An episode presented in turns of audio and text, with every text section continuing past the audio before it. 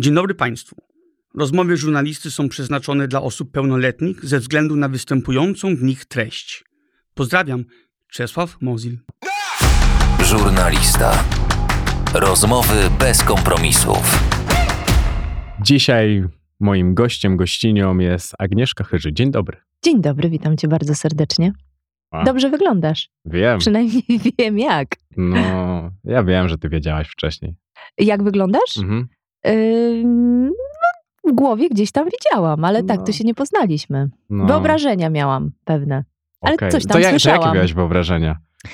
E, wiesz, ty jesteś bardzo delikatny. Wyobrażałam sobie ciebie trochę takiego, patrząc na twój anturaż i na to, jak wyglądasz e, i jak się kryjesz przede wszystkim, to mm, no wiesz co, stwarzasz wrażenie i pozory takiego niedostępnego i raczej bardzo mocnego, a ty jesteś po prostu fajnym, wrażliwym człowiekiem, Mm. jak się ciebie zobaczy. Masz to taką sobie łagodną, masz taką łagodną twarz. A powiem A. szczerze, że spodziewałam się Takiej bliska chropowatej. takiej chropowatej, zniszczonej życiem i przemyśleniami twarzy, a taka nie Mm, jest. Mam tylko taki mózg.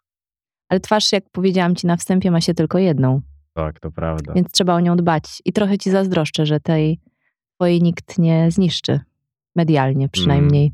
Zobaczymy. Tutaj ni- nigdy nie można mówić hop, bo to wiesz, świat jest zbyt skomplikowany, byśmy mogli go to za jego szybko rozszyfrować. Niestety. To słowo, jak robiłem ten, czytałem Mhm, ten research, to. Jezus, jak taka kula u nogi, tam idzie ten, ten patchwork, patchwork, wiesz, to... No cały czas szukam innego określenia. No wiesz, jest jeszcze gorsze. Ja jako magister socjologii e, i to jeszcze, uwaga, specjalizacja mm, rodzinna. Zobacz, jaki paradoks. No, E, Jak studiowałam i uczyłam się o takich rodzinach, no to chyba w najczarniejszych snach nie przypuszczałam, że będę musiała się w życiu z tym zmierzyć. Natomiast jest jeszcze inne określenie, ale chyba dużo gorsze. Rodzina rekonstruowana. To chyba gorzej brzmi niż patchwork. no i to jest e, taki wyścig ślimaków. No, No. Nie, jest to, nie jest to zbyt fascynujące, ale ja tego, to, jakoś tak daleko jestem od jednego i od drugiego, bo wydaje mi Mhm. się, że ten dom, który tworzycie, to rodzina.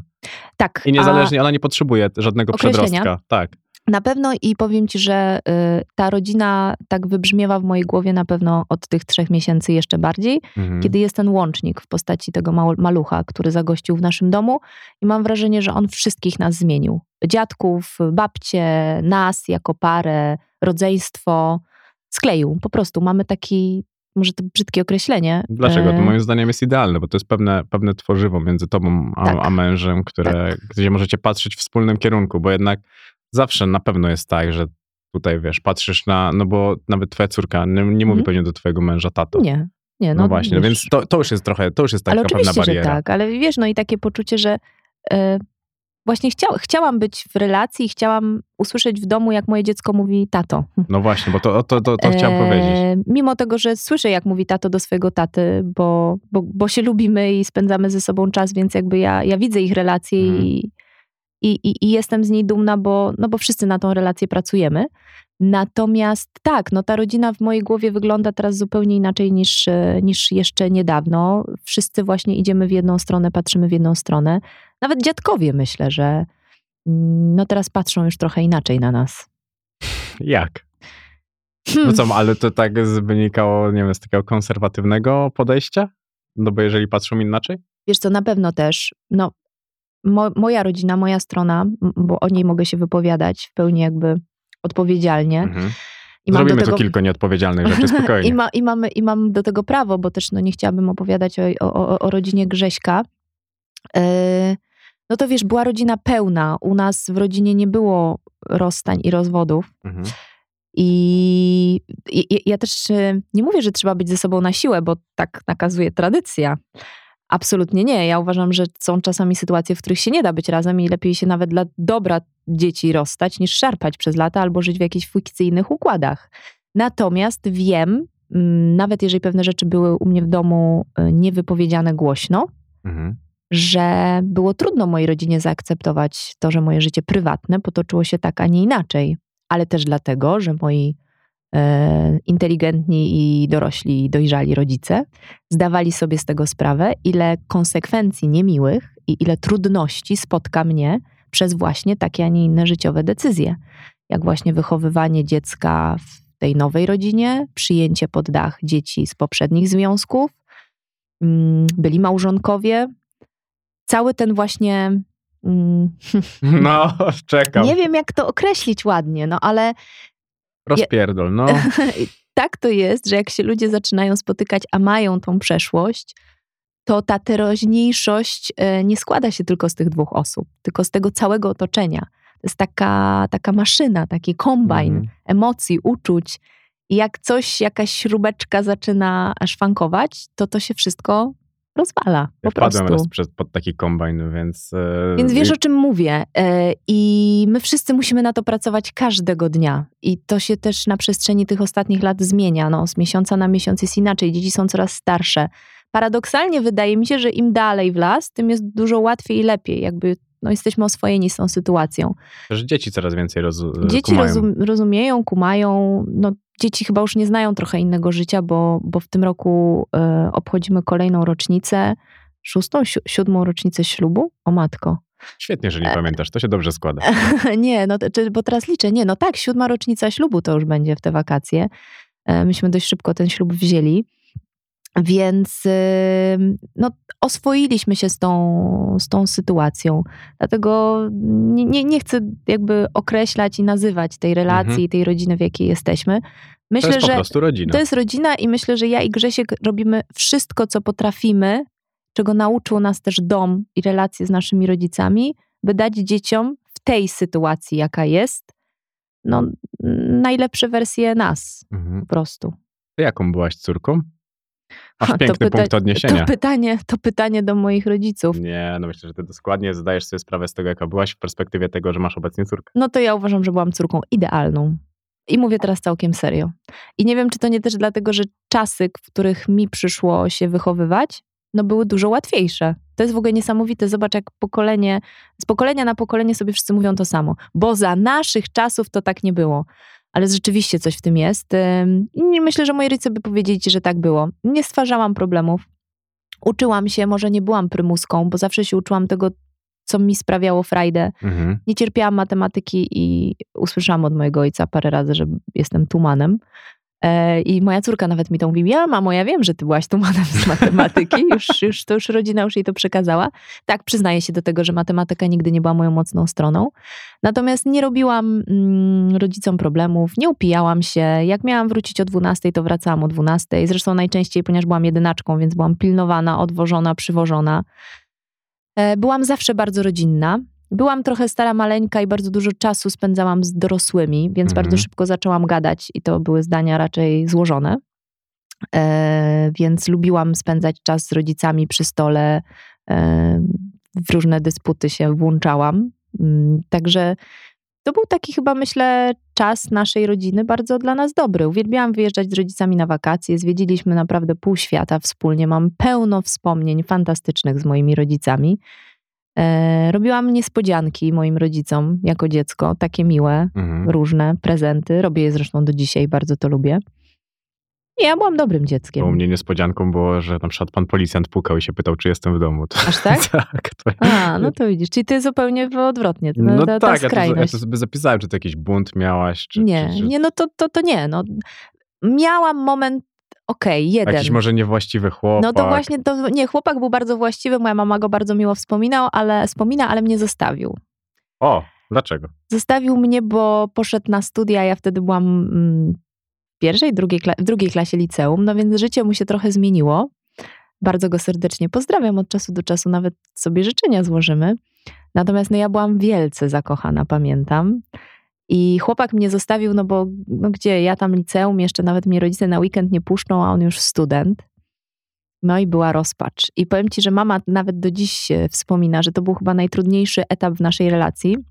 Słuchaj, do tego stopnia, że ja do kardiologa chodziłam, bo ja dostawałam jakiejś w ogóle palpitacji serca, serio. Jezus. Dzisiaj pewnie by mnie na jakąś psychoterapię wysłano, ale nie, no to, to był ciężki czas, tak. To byłam, było milczenie. Ostatnio, jak byłam z córką moją, w ciąży wtedy byłam, byłyśmy taki dłuższy okres czasu e, u moich rodziców, no i mama mi przyniosła pudła z garażu i kazała robić porządek w moich różnych książkach, zeszytach i pamiętnikach. I na głos zaczęłam czytać mojej córce i mojej mamie pamiętnik, który właśnie wtedy pisałam no, w tej drugiej chyba klasie liceum albo To już pierwszej, naprawdę już nie dorosłe pamiętam. historie. Tak, były dorosłe, znaczy wiesz co, nie, one nie były dorosłe. No powiem ci, że mm, w stylu żurnalisty, Mhm. ale tak minus 100. No tragedia, no. no powiem ci, że jak ja jako mama bym dorwała ten pamiętnik, to ja bym e, zamknęła dziecko i nie wypuszczała i nie spuszczała z oka, bo brzmiałam tam bardzo tragicznie. No, na, Taka na, no rozhisteryzowana. rozhisteryzowana nastolatka, złamane serce, moje życie się już skończyło, jak on mógł. Ja chodzę tutaj ulicami miasta i wszystko pachnie nim i tymi wspomnieniami.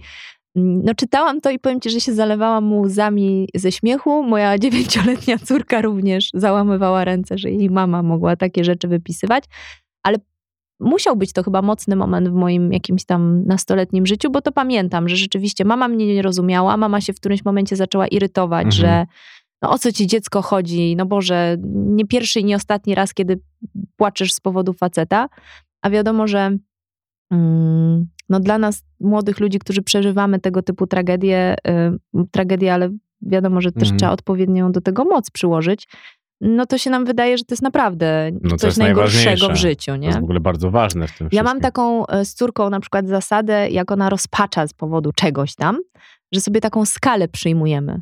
Marta, powiedz mi w skali od 0 do 10, jak ten problem jest duży. No i ona już kuma, nie? że 0 to jest, e, że, że nic, no a 10, że to jest koniec świata, w sensie takim, że Mhm. koniec świata, koniec życia i w ogóle. Jak ona sobie zaczyna tą skalę gdzieś tam wyobrażać, to nagle się mm, okazuje, że no właściwie ten problem to jest taki jeden albo dwa, nie? Coś, co w ogóle brzmi i wygląda w jej mniemaniu jak jakaś największa tragedia e, życiowa. Tak startupowo, obsługa klienta, że masz wiesz, te, Tak, wszystkie, te wszystkie minki dookoła i wybierasz się, jak jesteś zadowolony z tego. Czy, czy jednym słowem chcesz mi powiedzieć, że córkę obsługuje i wychowuje startupowo? No trochę tak. Ona zna pojęcie startup, zna pojęcie kola. Mm. Weekly też się u nas już pojawia. Em, ostatnio mówi, mówi mi, że kiedy masz znów ten komitet inwestycyjny. Także śmiesznie, śmiesznie jest. Fajnie to musi brzmieć z W takiego, ustach no, takiej, tak, takiej, tak. takiej dziewczynki. Tak, tak, tak. No w ogóle wiesz, no to, to jest i śmieszne i nieśmieszne, jak ci dziecko pyta na przykład, jak wsiada po szkole do auta i mówi mamo, masz jeszcze dzisiaj jakieś kole? Na przykład. Mhm. Albo, albo lajfy, bo też Mm. i takowe mam.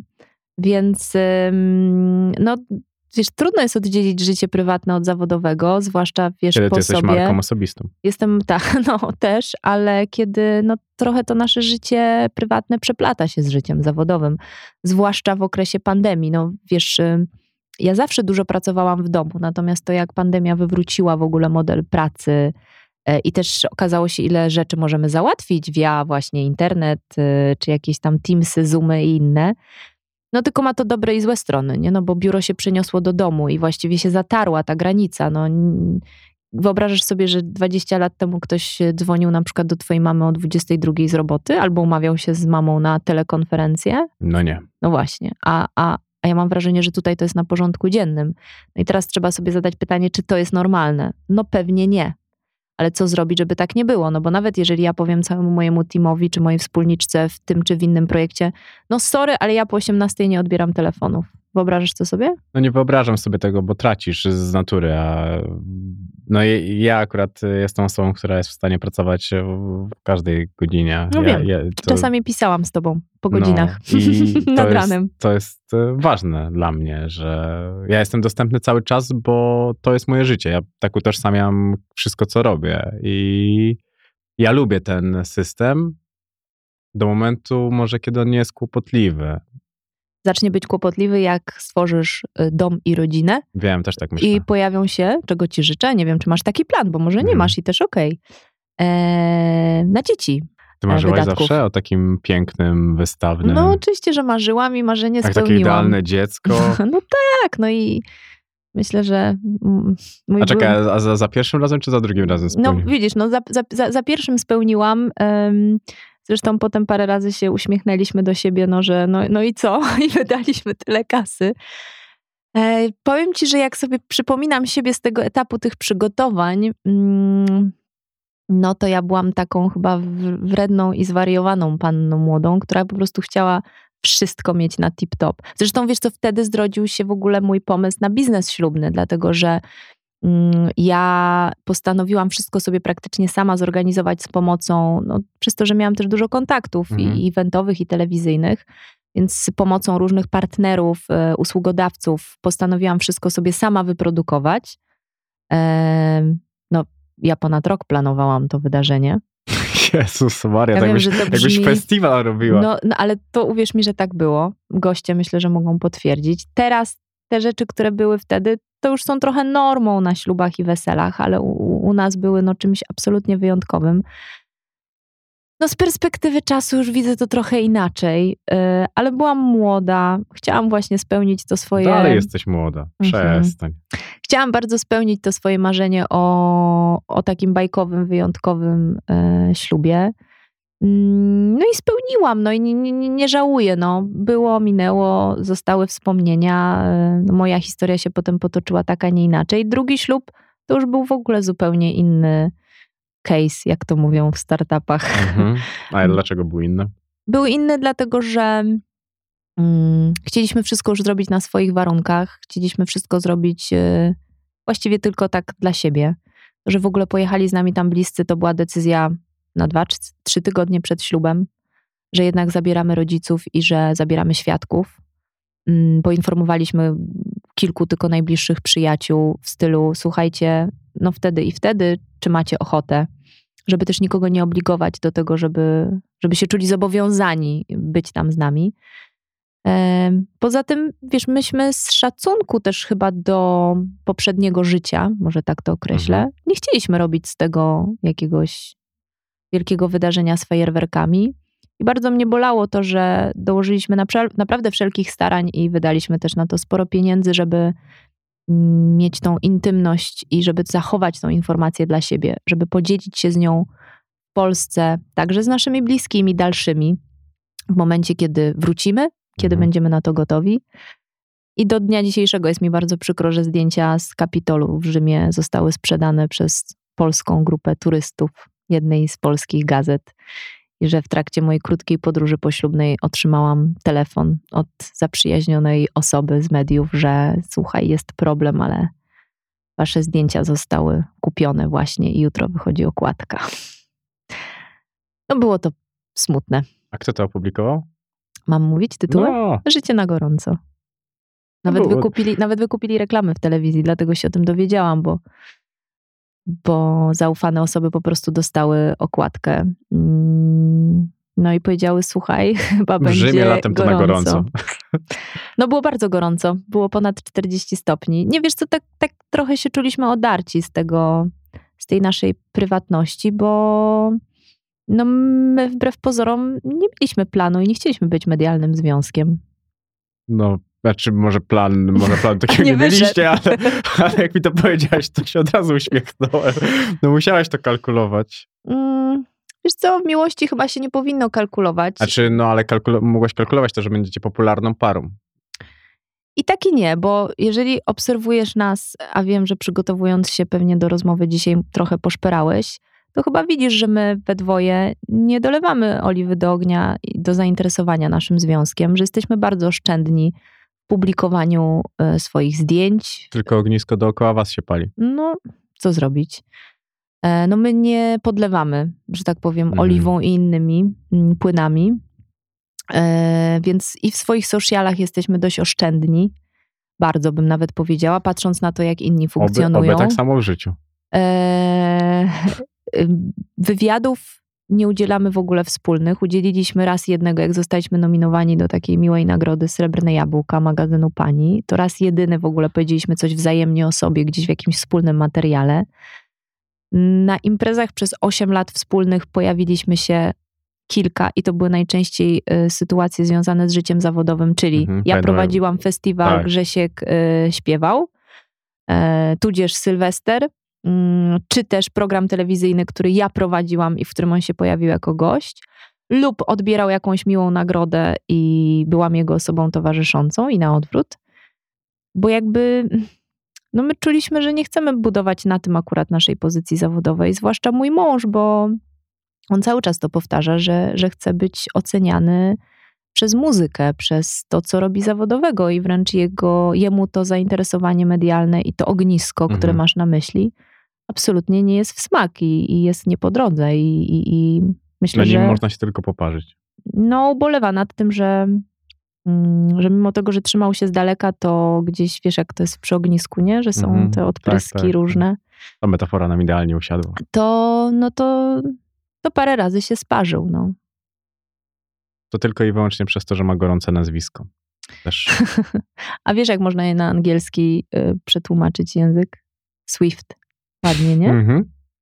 Pięknie. Jest taka pani znana o takim nazwisku Swift. Tak. Bardzo znana. Także jak wyjedziemy za granicę, to nazwisko już mamy. No i Wyrobione. teraz tylko zostanie zrobić karierę gdzieś tam za granicą. Życzę mu tego. Życzę mu tego i trzymam z całego serca kciuki, bo uważam, że jest e, naprawdę zdolnym facetem i myślę, że wiele osób, które patrzą na niego właśnie przez ten pryzmat muzyczny, a nie medialny, to to wiedzą i doceniają. A ja mam nadzieję, że za niedługo też będzie mógł znów to pokazać.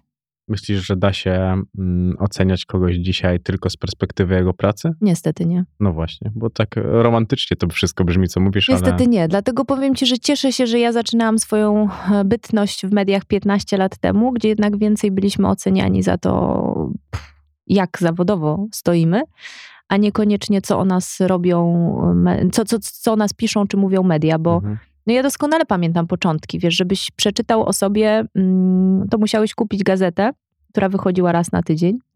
Online właściwie nie istniał. Słuchaj, ja dokładnie pamiętam początki pewnych portali internetowych, te pierwsze w ogóle artykuły, które się pojawiały i za bardzo nie wiedzieliśmy o co chodzi. Jak wtedy szliśmy na jakąś imprezę medialną, to zdjęcia z tej imprezy pojawiały się tydzień później. Tam pamiętasz te alfabety towarzyskie i tak dalej. Mhm. Więc ym, jakby ludzie trochę inaczej funkcjonowali, była większa kontrola nad tym. Paparazzi nie latali za nami na drzewach i tak dalej. Ym, Ludzie nas znali z telewizji. Narracja y, socialowa nie istniała, no bo nie istniały media społecznościowe. Zauważ, że ja mam wrażenie, że mm, w ogóle media teraz y, content głównie budują na tym, co znani dostarczają właśnie w tych mediach społecznościowych. Tylko i wyłącznie, bo też dostarczają to za darmo, oni się wystawiają na tacy. No więc tym można łatwo manipulować. E, też. Mhm. Mm, I, ja doskonale wiem, co można zrobić i jak można zrobić, żeby wzbudzić zainteresowanie i w którą stronę można to zrobić. Natomiast świadomie z tego nie korzystam, bo nie jest mi to potrzebne, a wręcz e, odwrotnie. I no, nie szanuję, że tak powiem, takich, e, takich działań, bo ja wiem, że się mówi, nieważne co piszą, ważne, nie, żeby no nie mylili nazwiska. Wydaje mi się, Ale- że to dotyczyło tych mediów, o których ty mówiłaś wcześniej. E, Jakby to nie jest w ogóle w moim jakby guście, ani nie jest to w ogóle w obszarze mojego zainteresowania i jest mi naprawdę szczerze przykro, że wielokrotnie y, jestem w to wciągana, że, że wiele moich wypowiedzi jest spłycanych, że z długiego zdania y, wybrzmiewa tylko jakaś, jak, jakiś krótki fragment, który właśnie służy znów wrzuceniu do tego jednego ogniska. Dlatego, wiesz co, mi się już chyba znudziło i chyba odechciało mi się już z tym walczyć. W sensie takim, że mm, mogę uznać, że to jest pewnego rodzaju porażka, Mhm. ale mm, chyba się poddałam w udowadnianiu ludziom, że jestem inna, Moim zdaniem dopiero tym wygrałaś. że, że jestem inteligentna, że jestem wykształcona, że mam coś do powiedzenia, że robię naprawdę dobre rzeczy zawodowo. No dobra, to teraz ci powiem, a nie uważasz, że zabrano ci to razem z małżeństwem z muzykiem? Że wcześniej, kiedy byłaś w telewizji, nie kwestionowano twojej inteligencji, mądrości i tak dalej? Nie, nie chciałabym tak na to patrzeć, wiesz, bo No bym to- musiała być zła na mojego męża, a Ale nie chcę nie masz, tego robić. nie musisz być na niego zła, tylko chodzi mi o to, że e, popularna, ty z dziennikarki, to jest moja Mhm. perspektywa, stałaś się celebrytką. Że zabrano tobie to, Mhm. ten, ten odłam dziennikarstwa, tylko stano... No to może powiem ci tak. e, Nie, nie zabrał mi tego związek e, z moim mężem, tylko otoczka jakaś wokół tego, e, wbrew naszej absolutnie no, woli. ale doskonale wiesz, że pytałem o otoczkę, no bo no wiadomo, to, że... No to, to pewnie tak, no ale wiesz, nieraz w domu o tym rozmawialiśmy. No i co? No czyli To jakby- też nie jest tak, że ja ci to zarzucam, tylko chodzi o to, że możesz mieć tego świadomość. Uczę, mam tego świadomość i nie mam. I uczę się, i mój mąż mi to bardzo często powtarza, y, uczę się nie przejmować rzeczami, na które nie mam wpływu. Ale ty się przejmujesz. Ale bo, się przejmuję. Bo nawet jak ja ci napisałem, że wydajesz się bardzo fajna, bo poczytałem o tobie, to ty powiedziałeś, że to, to, to niemożliwe. No, no coś no bo, no bo niemożliwe, bo wiesz, ja to wielokrotnie powtarzam, jak ja czas, czasami czytam te artykuły o sobie, bo ktoś mi coś życzliwie wyśle, albo sama się na to natknę, bo, bo, bo mi to internet podpowiada, no to szczerze, ja nie lubię siebie. W sensie takim, że jak czytam to Mhm. i zderzam to jakby z moim prawdziwym życiem, prawdziwą rodziną, prawdziwym małżeństwem, no to ja się nie dziwię, że niektórzy ludzie mają taki, a nie inny odbiór e, sytuacji. Ale ja już nie mam siły, jestem na to za stara, w sensie takim szkoda mi życia, bo straciłam na to 7 ostatnich lat i mówię to z pełną odpowiedzialnością, na kopanie się z koniem. Jakby już enough. Ja już osiągnęłam w zeszłym roku, a zwłaszcza w momencie, kiedy byłam w ciąży, ja już osiągnęłam sufit, jeżeli chodzi o walkę e, w tym temacie. Po prostu odpuściłam. I nie wiem, może milczenie jest złotem, może Milczenie nie. jest złotem. To ja mam taki cytat wytatuowany, że oszczerstwa nie znoszą milczenia. No, ja milczę. To jest bardzo dobra taktyka. Na pewno boksowanie się z cieniem nigdy nie doprowadzi do tego, że kogoś znokautujesz. Nie zamierzam i nie mam w ogóle takiego, że tak powiem, Tym celu. bardziej, że to jest e, walka z czymś, z kimś, kto nie istnieje. Dokładnie tak, więc y, Bo pomyśl sobie, że na portalach plotkarskich żaden dziennikarz nie stawia tam, nie, nie, nie masz takiego, że atakujesz kogoś personalnie, atakujesz portal. Jeżeli już. Jeżeli już, znaczy wiesz co, tak, no i wiesz, to jest walka z pewnego rodzaju w ogóle zjawiskiem, takim trochę już chyba społecznym, e, z hejtem. Wiesz, słowo hejt w moim życiu i w pracy zawodowej mocno się przewija przez ostatnie lata. Ja, ja też próbowałam z tym walczyć i przecież i organizowałam akcje i wielokrotnie się publicznie na ten temat wypowiadałam. No i to jest trochę walka z wiatrakami. Znaczy, nigdy nie będzie u mnie na to przyzwolenia i, Mhm. i zgody. Y, Natomiast ja uważam, że w ogóle pewne sprawy mm, powinno się rozgrywać i załatwiać w odpowiednich instytucjach. No i są jednak sądy, które myślę, że są sprawiedliwe. Tak przynajmniej ja też czuję, w ostatnim czasie zwłaszcza. E, uważam, że po prostu są miejsca, żeby pewne rzeczy rozwiązywać Mhm. e, i, i, i zjawiska komentować, a niekoniecznie za pośrednictwem mediów czy z ich udziałem, bo to jest woda właśnie na młyn. No, No, tak, jest, dajesz temu jeszcze raz życie. daję temu życie, więc staram się tego unikać, naprawdę skupiać się na tym, na tym co robię i, i, i ostatni rok mi pokazuje, że to jest chyba jedyna właściwa metoda, zwłaszcza dla mojego zdrowia psychicznego. Ja zapłaciłam za to wszystko sporą cenę taką psychiczną i wiesz co, nie chcę już mojemu dziecku małemu, Mhm. bo myślę, że Marta nieraz była świadkiem wielu trudnych sytuacji. Ja już nie chcę mu fundować tego rollcastera. Myślę, że zasłuży, zasługuje na to, żeby jak najdalej w ogóle od tego świata e, być. Mhm. E, I w ogóle uwa- uważam, że wszystkie dzieci na to zasługują. I jakby też głośno mówię o tym, bo wszyscy mnie pytają, dlaczego nie pokazujemy dzieci. E, Że, że dlaczego my nie funkcjonujemy, nie? Bo zauważ, że my nie funkcjonujemy jako, jako rodzina publicznie. Mhm. No ja to widziałem, widziałem, widziałem, widziałem, bo też mówiłaś o tym, że to jest tylko fragment twojego życia, który ty pokazujesz i to jest bardzo uczciwe. I, i, co, I co z tego, że te dzieci są ze mną 24H bardzo często, Mhm. e, właściwie większą część miesiąca. I, I robimy dużo fantastycznych rzeczy, wyjeżdżamy na fantastyczne wakacje, jemy, gotujemy, bawimy się, uczymy i mogłabym to relacjonować, ale nie jest mi to potrzebne i ja już też jakby nie chcę udowadniać wszystkim, że ja jestem fajną mamą, że mój mąż jest fajnym ojcem, że, że jesteśmy rodziną, jakby to jest nasze, nie? Mój mąż ma takie fajne powiedzenie, bądź bliski dla bliskich. E, I ja się tego cały czas uczę i, i, i liczę na to, że na koniec dnia, kiedyś tam, kiedyś, Mhm. to jednak zaprocentuje. Oby. Też mówiłeś, że nasze życie prywatne zostało nam wydarte, a następnie przekłamane i poddane nieuczciwym ocenom. A pamiętasz coś, co cię do, najbardziej dotknęło? No ale widzisz, to musiałabym teraz dawać mu, mówiąc, wyciągając ci te konkretne rzeczy, to, no to musiałabym No da, wiesz, dawać to już mu... na pewno minęło. No, bardziej zastanawia mnie po prostu, e, jak daleko można się posunąć, żeby komuś spierdolić jakiś fragment życia.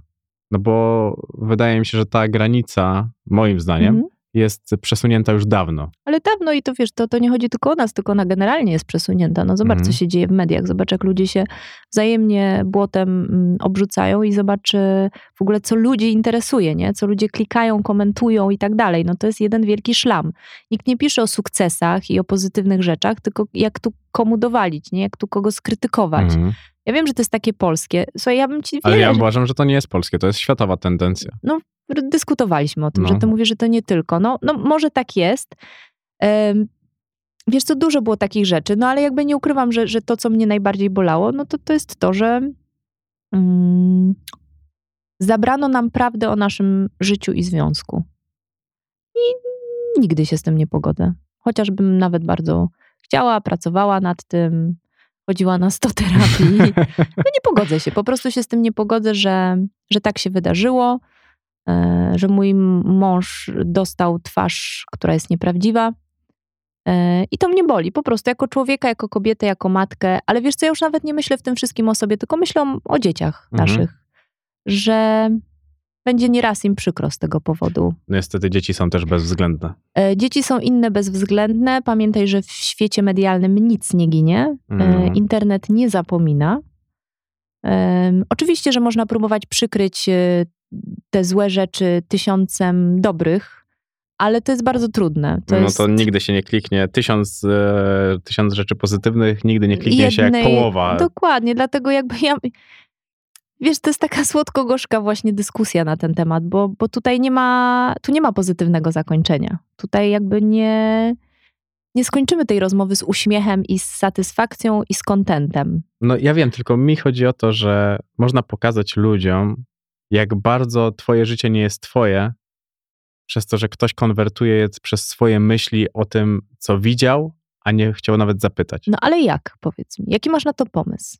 Ty No. jako też taki odbiorca, człowiek, który korzysta Na- z tego codziennie, prostu- czyta. No tak, tylko że kiedy ja jako jednostka znam, to jest e, świetnie rapował PZ, że wszyscy są święci, gdy mówią o grzechach kogoś innego. I od tego zaczyna się jedna z moich książek. Bo dlaczego ja mam oceniać kogoś? Jeden, nie wiedząc, czy to jest prawda, to już zacznijmy od tego. A druga sprawa, że a, a kim ja jestem, żeby kogoś oceniać? Każdy tu ma swoje życie, każdy może się bawić jak chce. To nie moja moralność, nie moje życie. Po, po, do momentu, ja mogę oceniać kogoś, kiedy ktoś ingeruje w moje życie. Mhm. A myślisz, że ktokolwiek sobie zadaje w ogóle takie pytania? Bo ja uważam, że nie. Dlaczego? Dlatego, że nie wiem, czy to jest już jest nasze jakieś DNA, ale e, mamy coś takiego w sobie. Może rzeczywiście nie tylko w Polsce, ale generalnie człowiek.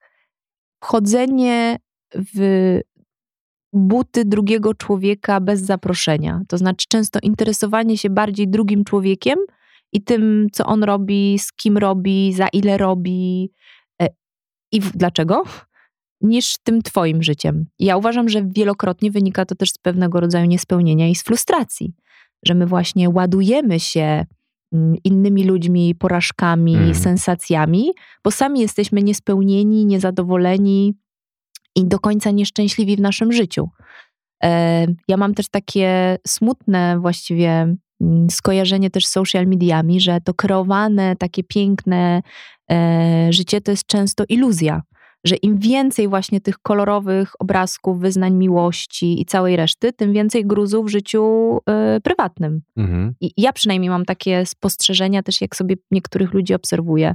No i I- znasz ich też, możesz zestawić z rzeczywistością. Dokładnie, dokładnie tak, więc my w ogóle myślę, że jesteśmy pokoleniem trochę, które żyje w iluzji, że my świetnie potrafimy udawać, Pamiętasz kreować. Da- Davida, Davida Copperfielda w, w telewizji? Oczywiście, że tak. Na tym się wychowaliśmy, teraz powielamy. My to powielamy, tylko że mm, wtedy tylko byliśmy widzem z Mhm. bezpiecznej odległości, za tą szklaną szybką.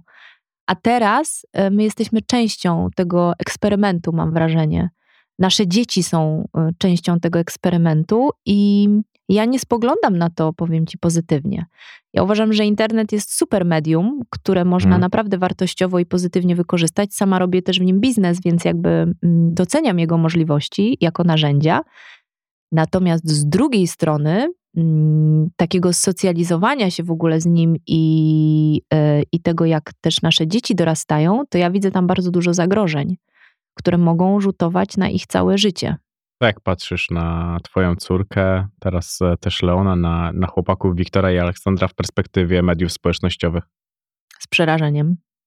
Mówię no ale to... jako matka dajesz, jest do tego dostęp? No U właśnie. nas w domu nie. U nas do tego nie ma dostępu, bo po pierwsze oni są za mali e, i w ogóle nie uważam, że, że, że powinni w tym uczestniczyć. Wiadomo, że oglądają sobie tam jakieś filmy na YouTubie i, i, i mają już tam jakichś swoich tych bohaterów YouTubeowych, ale to jest pełna kontrola, jakby my, my wiemy i z kim oni by się chcieli utożsamiać. I też my głośno mówimy, które treści nam się podobają, a które nie, które uważamy, że są głupie. E, Jak wiemy, że są bardzo głupie, czy agresywne, czy brutalne, to absolutnie od nich odcinamy. A ja jestem w ogóle daleka od tego, żeby dzieci na przykład miały dostęp do mediów społecznościowych w stylu Instagram i TikTok Mhm. poniżej 10 roku życia. Oglądanie to jeszcze, ale tworzenie tego kontentu, wiesz, sytuacja naszych dzieci jest jeszcze tym bardziej trudna, bo mają rodziców, którzy są rozpoznawalni. Mhm. E, I tym bardziej uważam, że oni powinni być trzymani od tego e, z daleka. Oni i tak wcześniej czy później się z tym zderzą, ale uważam, że im później, im bardziej uzbroimy te dzieciaki też w pewne takie narzędzia dojrzałości emocjonalnej, tym będzie łatwiej im z tym, mm, z tym żyć. No. A poza tym, a ponieważ wiemy też, e, co w mediach jest i o nas, czyli o rodzicach Mhm. tych dzieci, tym bardziej ja bym chciała, żeby jak najpóźniej oni się musieli z tym zdarzyć. No, mi już córka parę trudnych pytań zadała. A dlaczego tak piszą? Ym, ale w ogóle o co chodzi? No bo wiesz, ona żyje w tej swojej prawdzie rodzinnej Mhm. i nagle ma zimny prysznic, jak gdzieś tam przez przypadek na coś natknęła się. No nawet wiesz, pomyśl sobie, że pokazuje jej to koleżanka Tak, i na i, takiej i, zasadzie i, to jest, i to jest, powiem ci, to w ogóle nawet nie wchodźmy w tą rzekę tej rozmowy, bo to jest coś, co wzbudza we mnie taki lęk i, i taką niezgodę i, i smutny, w ogóle wszystkie takie naj, naj, naprawdę najbardziej pejoratywne emocje, em, że gdybym mogła, to bym zabrała się i wyjechała z kraju. Serio mówię, bo Mhm. jakby no, nigdy bym nie chciała być w sytuacji mojego dziecka. Nie dziwię się. Naprawdę. No ja też się, ja, ja się w ogóle nie dziwię. Nie chciałbym e, mieć rodziców, którzy są popularni. Uważam, I- że y, jeszcze mm, to wszystko zależy też od wieku, no bo kiedy rodzice robią się popularni i masz 18 czy 16 lat, to już jesteś w stanie rozmawiać, jesteś w stanie to przyjąć, zrozumieć, że świat wygląda tak, a nie inaczej, ale kiedy jesteś e, 10-letnim czy jeszcze mniej e, letnim dzieckiem, może ci zmiażdżyć głowę. Nieodwracalnie może ci to zmiażdżyć głowę. No i widzisz, ja mam tego świadomość ogromną i poczucie odpowiedzialności za te dzieciaki. Ale nie na wszystko niestety mamy wpływ w życiu. Mhm. Znalazłem też fragment, że nie wierzysz w ludzi, którzy nie czytają komentarzy. To znaczy, że ty czytasz? No pewnie, że tak. Naprawdę? No ale oczywiście, że tak. No to ja ci przywrócę tą wiarę w tych ludzi. Że są tacy, co nie No. czytają. Ale co, o sobie nie czytasz, czy W w ogóle, ogóle. nie czytasz? W ogóle nie czytam żadnych komentarzy. Wiesz co, no ja czytam, bo się okazuje, że często te komentarze piszą też ludzie z twojego ogródka. Więc często możesz ja tam chwasty wyrywam. znaleźć y, y, informacje, które no niekoniecznie chciałbyś, żeby były upubliczniane, jak na przykład dane wrażliwe. Mhm. Więc, y, więc y, może tak, już tego staram się nie robić, bo A, nie mam na to czasu, B, strasznie mi to dużo energii zabierało. Więc robią to ludzie, którzy po prostu to kontrolują i w razie czego w, w odpowiedni sposób reagują i, i, i Mhm. tak dalej. Natomiast bardzo mi się podoba, co zrobił Onet jakiś czas temu. Zresztą rozmawiałam o tym i z redaktorem naczelnym, nie, i z dyrektorem programowym Onetu. No bo zobacz, Axel jako jeden z pierwszych w którymś momencie wy, wy- wyłączył możliwość komentowania. E, Tam nawet nie wiem, czy można komentować, czy musisz być jakoś super zweryfikowany i zalogowany. Tego Mhm. nie wiem do końca, natomiast tam nie ma komentarzy. I no niestety, ale jak widać, my nie jesteśmy ludźmi, którzy powinni dostać taką arenę. Bo dla mnie to jest pewnego rodzaju arena, nie? No, Gdzie się gladiat- gladiatorów, ale takich, wiesz, pod fejkowymi y, kątami, gdzieś siedzą tam w pcimiu dolnym. Jakbyś sobie poszukał tych ludzi, którzy piszą ten, ten cały szlam o tobie, o twoich dzieciach, o twoich decyzjach i tak dalej, to myślę, że nawet nie spojrzeliby ci prosto w oczy, bo by się spalili ze wstydu, nie? Natomiast jak widać, my nie powinniśmy dostawać takich narzędzi. A od słowa do czynu to też ta droga jest w sumie dość, y, dość bliska i krótka.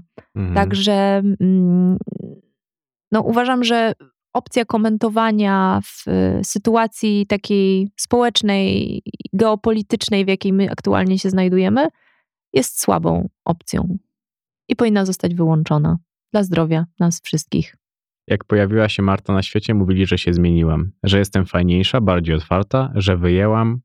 Kija z tyłka. Mhm. Wiem, Co powiedzia- a powiedziałam tam tyłka, czy inaczej? Czy Tak gorzej? z tyłka.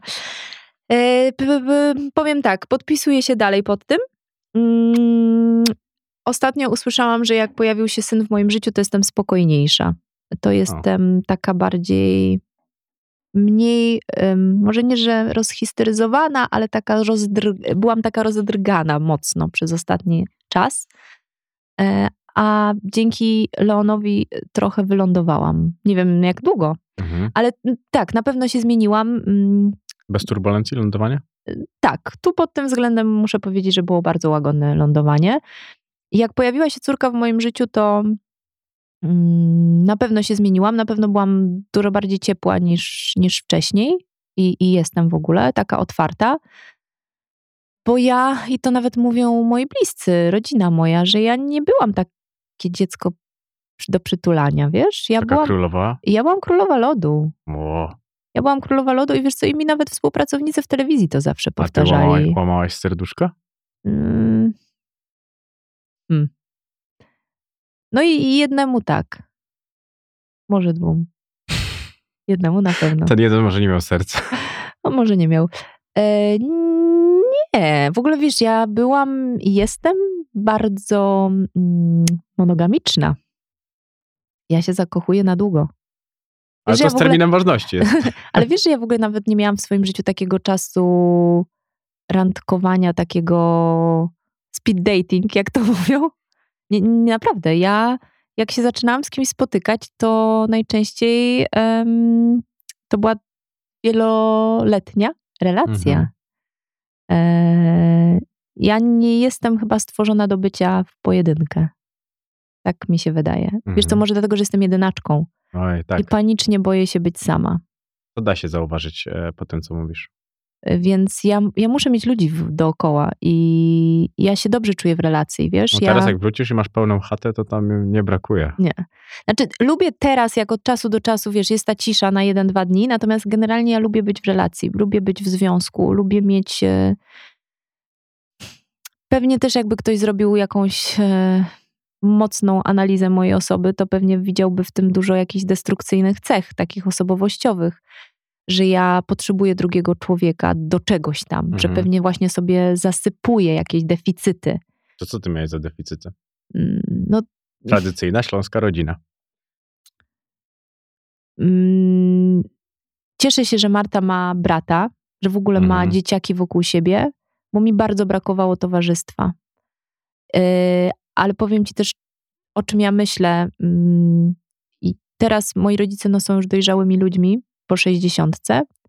Ja panicznie boję się, że jak ich stracę, to stracę moją tożsamość. To znaczy, ja nie będę miała kogoś, y, z kim będę mogła dzielić to moje dzieciństwo i Mhm. ten mój fundament.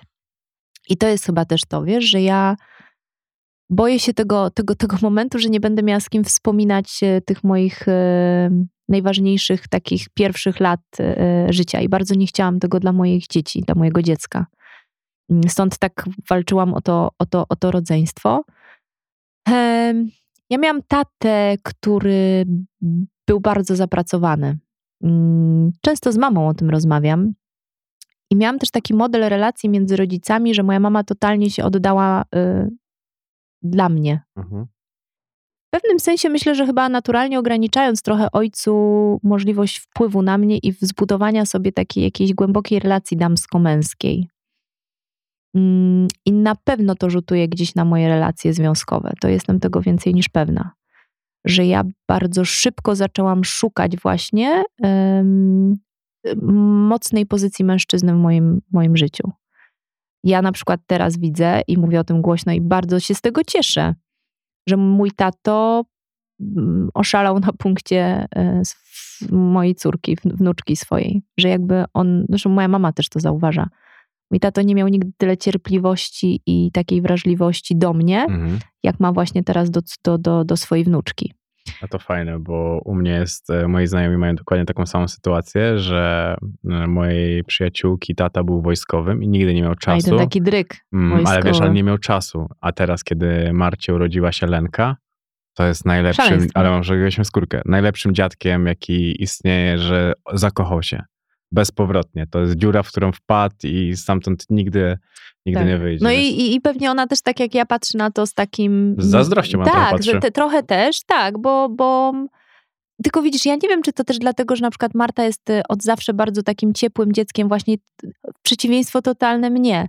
No do dzisiaj cała moja rodz- rodzina wspomina, żeby mnie przytulić Mhm. na powitanie albo y, powitać buziakiem, to w ogóle była jakaś abstrakcja. Ja byłam tak zwanym elektrycznym dzieckiem, naprawdę. Ja czułam fizyczny dyskomfort, jak ktoś przekraczał moją granicę takiej, wiesz, fizyczności.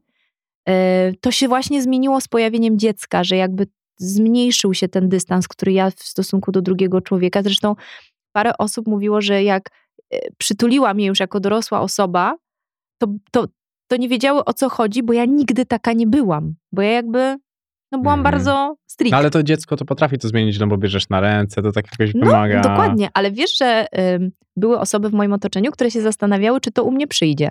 Ale podobno była taka moja mama, której znów babcia, znaczy mo- moj, moja babcia, czyli jej mama zastanawiała się, jak moja mama się odnajdzie w roli mamy. Bo była właśnie, w ogóle nie lubiła małych dzieci, nie nawiązywała z nimi kontaktu, nie była do nich czuła Mhm. i tak dalej.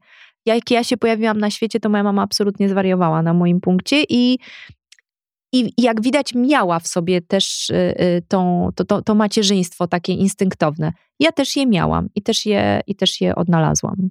No pytałem się, co zmienił Leon w twoim życiu, a co zmienił Grzegorz? Myślę, że wszystko.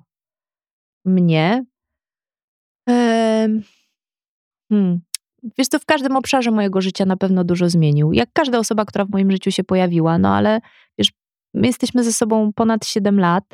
W związku z tym em, przez tych 7 lat tak dużo się wydarzyło w naszym życiu, że, że miał wpływ na każdy element gdzieś tej mojej układanki. Na pewno y, na, zdjął ze mnie taki, mm, nie wiem jak to określić ładnie po polsku, widzisz, jakieś angielskie słowa mi do głowy przychodzą. Czekamy na polskie. Czekamy na polskie. Zdjął ze mnie ciągle takie poczucie, że ja muszę. Mhm. Na pewno e, uczy mnie i cały czas zmienia to we mnie właśnie, żebym ja się tak wszystkim nie przejmowała i wszystkimi naokoło. To jest dla mnie chyba najtrudniejsze zadanie, jakie on cały czas przede mną stawia. Na pewno obudził we mnie taką mm, wrażliwość związkową, którą ja musiałam w sobie znaleźć i właściwie znalazłam grubo po trzydziestce. Tolerancji do tego, że druga osoba ma prawo y, myśleć i czuć inaczej i to też jest okej. Ja jako właśnie jednaczka wyszłam z takim poczuciem, że albo jest po mojemu, albo nie jest wcale. O, A z takimi ludźmi trudno żyć. No, bardzo trudno. trudno tworzyć związek. Mm, No i no, Grzesiek ym, wykonuje kawał roboty, żeby nauczyć mnie tego, że jest 50-50, że Mhm. jakby, no niestety, ale nie będzie całe życie po mojemu. E, i Ja, ja, ja wiem, bo ja się łapię czasami na tym, że ja sobie coś wymyślę i jakby ja nie biorę w ogóle pod uwagę tego, że ktoś może nie chcieć i że nie będzie tak. mhm. No i ja wtedy staję się niemiłą dziewczyną. No fajna jesteś, jak jesteś niemiła? E, No to pytanie do niego. No, no nie.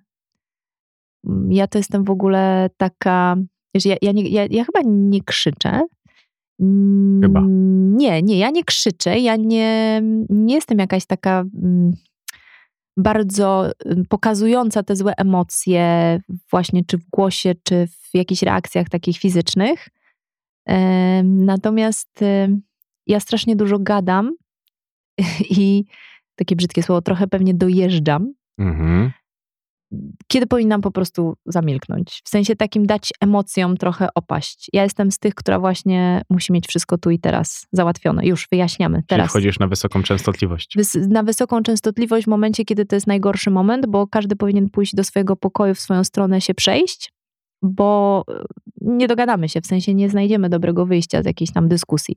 Bo ty chcesz się pokłócić, a nie pogadać. E, Pewnie tak i, no, i ja już chcę rozwiązania i nie uznaję, że ktoś inny może potrzebować czasu na ochłonięcie, bo powie po prostu słowa, y, których ja wcale nie chcę usłyszeć. A potem wiesz jak jest, już nie pamiętasz o co się zaczęło, tylko jest Mhm. skupienie się na tych... Jest y, wyciąganie tych wszystkich trupów z Wszystkich, tak, bo co ty powiedziałeś, jak mogłeś i tak dalej, i tak dalej. Więc no, tego mnie naprawdę uczy Grzesiek. Ma zresztą parę metod, ja nie będę zdradzała jakich, na mnie, mm, że on już mi nie daje przestrzeni do tego, żebym ja tam dojeżdżała. I wiesz co, to działa, bo potem emocje zaczynają opadać i, i łatwiej nam się jest e, dogadać. Wiesz, my mamy naprawdę ogromne poczucie odpowiedzialności za nasz związek i za naszą rodzinę przez to, co, przez co przeszliśmy. To scaliło. To tak, ja wiesz co, ja paradoksalnie w ogóle uważam, że te drugie czy trzecie związki często mają, jak mają oczywiście myślących zdroworozsądkowo ludzi, dużo większe szanse na przeżycie z racji tego, że mm, już starasz się, nie, starasz się nie popełniać tych samych błędów. Poza tym zdajesz sobie z tego sprawę, z konsekwencji, jakie wiążą się, kiedy to znów się rozlatuje. Jak przychodzą do mnie koleżanki i koledzy, mm, którzy są na przykład na etapie rozwodów albo planów z tym związanych, zwłaszcza jeszcze jak są dzieci, to i opowiadają o tym z takim luzem i entuzjazmem, jak to już będzie pięknie. No bo problem się skończy, nie? No, No to ja wtedy chłodzę i wylewam jak królowa lodu. tak, i wylewam taki prysznic zimny na nich, że no tak, jakiś tam problem się skończy. Ale pojawi się tyle nowych problemów, że może być ciężko. I, I my o tym po prostu wiemy. Wiesz, trawa po drugiej stronie rzeki zawsze wydaje ci się bardziej zielona. Wszędzie się wydaje, że jest lepiej niż tam, gdzie my teraz Mhm. jesteśmy. Tak do końca to, to nie jest jak nie przepracujesz pewnych rzeczy, jak sobie nie uświadomisz e, jakichś swoich przywar też, którymi warto, warto, warto powalczyć, to nigdy nie będziesz szczęśliwy i nigdy nie ułożysz sobie życia. Więc my naprawdę mamy poczucie ogromnej odpowiedzialności za decyzję, którą podjęliśmy, że chcemy być razem, głównie z punktu widzenia naszych dzieci. A to u was szybko wyciekło, że się spotykacie ze sobą? Mm, Bo tego to nawet nie mam wiesz to pojęcia. po paru, paru miesiącach chyba. Jakoś tak. I wiesz, było no- zdegustowanie, czy, czy nie? Nie, wiesz co, na początek był bardzo idylliczny, dlatego że wtedy jeszcze wszyscy pamiętali, jaka była prawda. Czyli, że on wolny, ona wolna i proszę, pięknie spotkali Mhm. się w pracy i, i, i, próbują tworzyć relacje, więc nie no, początek jakby tej narracji wokół naszego związku był niezwykle pozytywny. A potem się bym Potem już musiała, za szczęśliwi, to trzeba coś tam, wiesz. Potem bym słowo jakieś takie brzydkie użyła, więc po co? Brzydkie słowa są bardzo ładne, kiedy określają emocje. A wiesz, że ja przeklinam dużo. Bardzo dużo słyszałem. Nie, no zdarza, zda, zdarza mi się, bo czasami właśnie mm, ja uważam, że przekleństwa nadają właśnie też em, em, emocji. No, nie jesteś tego wizytówką. E, że nie, że nie No, wobec... no zobacz, no, tutaj w ogóle bluzgów nie rzucasz. No ale to jak mikrofon nie był włączony, no to tak, to, to rzucałaś były. bluzki To na lewo i na prawo. Mówię, co nie no zdarza mi się przekląć, bo, bo, bo mi to pomaga, no. Wyraża gdzieś tam moją e, ekspresję i, i, i staram się oczywiście tego nie robić jakoś dużo, ale, ale zdarza mi się. Ja wiem, bo w ustach kobiety podobno nieładnie wyglądają brzydkie słowa. Tak słyszałam. Przestań, takie stereotypowe. To. Tak słyszałam. Już to jesteś nowoczesną kobietą. Tak, jak to powiedziałeś, startupową. No właśnie. To jest coś, co mnie zafascynowało e, poniekąd, jeżeli chodzi o te zawodowe rzeczy, że możemy nawet ten wątek otworzyć, jeżeli chodzi o stworzenie tej platformy Mhm. z książkami. To jest coś, co, co kurwa, na pewno o tej samej, do tej dobrej, o dobrej osobie czytał, że tak mówię, może zbieżność nazwisk, bo to... A wiesz, jak ja się cieszę, jak mi wyskakują linki, e, nie będę tutaj robiła reklamy pewnym portalom, takie inne w stylu puls biznesu, jak Mhm. sobie na przykład mogę o sobie tam poczytać. Wiesz, jaka dla mnie to jest satysfakcja? No nie dziwię się. Jakby 100% bardziej mnie teraz kręcą tego typu publikacje i wywiady i materiały niż, e, niż wszystkie inne, bo wiem po prostu, jak bardzo ciężko na to pracuję. Pracujemy, bo to jest praca zespołowa, dlatego że w tych wszystkich projektach biznesowych, y, startupowych, funduszowych, y, tak naprawdę to mm, pracują ze mną ludzie, no, którzy, którzy codziennie, każdego dnia wstają rano i, i, i walczą o to, żebyśmy zrobili coś dobrego. No. Mhm. Rozmawialiśmy o tym. Ja w którymś momencie wiedziałam, że muszę sobie stworzyć jakiś swój plan B zawodowy. Zawsze Taki biznes plan mnie B kręcił. Huberta Urbańskiego. e, nie był to telefon, widzisz, do przyjaciela. Mhm. Chociaż nie, no trochę telefonów na początku wykonałam, na przykład jak potrzebowałam kasy na inwestycje. E, I mnie zawsze biznes kręcił. W ogóle firmy mnie kręciły. Ja się dobrze czułam na biznesowych e, spotkaniach i do tej pory tak jest. Mm, Więc, no więc ja wiedziałam, że muszę sobie mocną nogę jakąś zrobić. I, I chciałam połączyć to moje doświadczenie, show biznes, kontakty i tak dalej, i tak dalej, z biznesem po prostu, z zarabianiem pieniędzy. I I stąd. tak wymyśliłaś kilka rzeczy. No i tak kilka rzeczy powstało. Teraz takich kilka jest też na tapecie mocnych, które mnie każdego dnia absorbują. To co tak robisz zawodowo? Jednym, jednym z nich jest właśnie How To, czyli pierwsze w Polsce pełni cyfrowe wydawnictwo, które teraz już ma dwie odnogi, bo jedną z nich jest How To Edu, e, projekt, e, w który zainwestował teraz fundusz EduLab wspólnie z NCBR-em. Mm, To jest ponadmilionowa inwestycja. Budujemy aplikację e, dla młodzieży, dla dzieciaków do szkół. To jest edukacyjna aplikacja, która będzie wspierała proces nauczania. Tam będzie też content, który będzie im ułatwiał naukę. Wszystko zgodnie oczywiście z podstawą programową. Ale aplikacja, która też będzie dbała o dobrostan naszych młodych ludzi, która będzie pomagała nauczycielom. Yy, No bo wiemy, że już nauka zdalna będzie gdzieś nam tam zawsze towarzyszyła. Cały świat się młodych ludzi przeniósł do internetu, więc chcemy im w tym pomóc. Yy, Nasza szkoła została, jak ja to mówię, w szkole pruskiej, więc yy, musimy ją trochę inaczej potraktować. Więc to robimy. Za 8 miesięcy, kiedy skończy się ten projekt, łączymy się z tym głównym how to. Mam nadzieję, że już za chwilę będziemy mogli też podzielić się dla nas mega radosnymi i ważnymi informacjami, że, że zainwestował w nas duży fundusz yy, Capital, który, który otwiera nam kompletnie z, z w ogóle nową historię. Mm, Parę razy upadliśmy, Mhm. Właśnie sobie zapisywałem, czy w, w co wtopiłaś kasę. Wiesz co, czy wtopiłam? No, w dużo różnych biznesów wtopiłam, ale tutaj też upadliśmy i upadamy cały Mhm. czas i się uczymy, bo, znaczy powiem ci tak, To nie miało być aż tak dużym projektem, jakim się stało. I trochę w którymś momencie um, wyprzedziło nas, a my musieliśmy się wszystkiego nauczyć i, i podgonić. Czy jak myśmy się z moją wspólniczką spotkały z naszym inwesto- inwestorem, którego znałam z prywatnego jakiegoś gruntu, Mhm. znany facet, jeżeli chodzi o biznes, Dawid Urban, on ma wiele różnych biznesów. Mm, Już nie inwestuje praktycznie w startupy na taką skalę jak kiedyś, bo powiedział, że już ma tego zbyt dużo. No ale myśmy na jednym spotkaniu przekonały go, żeby, żeby został naszym wspólnikiem, ale nie miałyśmy zielonego pojęcia, że to się aż tak bardzo roz, ro, rozwinie. Mhm. W związku z tym popełniłyśmy i popełniamy mnóstwo różnych błędów i, i wiesz, i, i życie startupowca to jest czasami problem z cashflowem, to jest em, problem z jakąś kulturą komunikacji, bo się zaczęliśmy robić korporacją.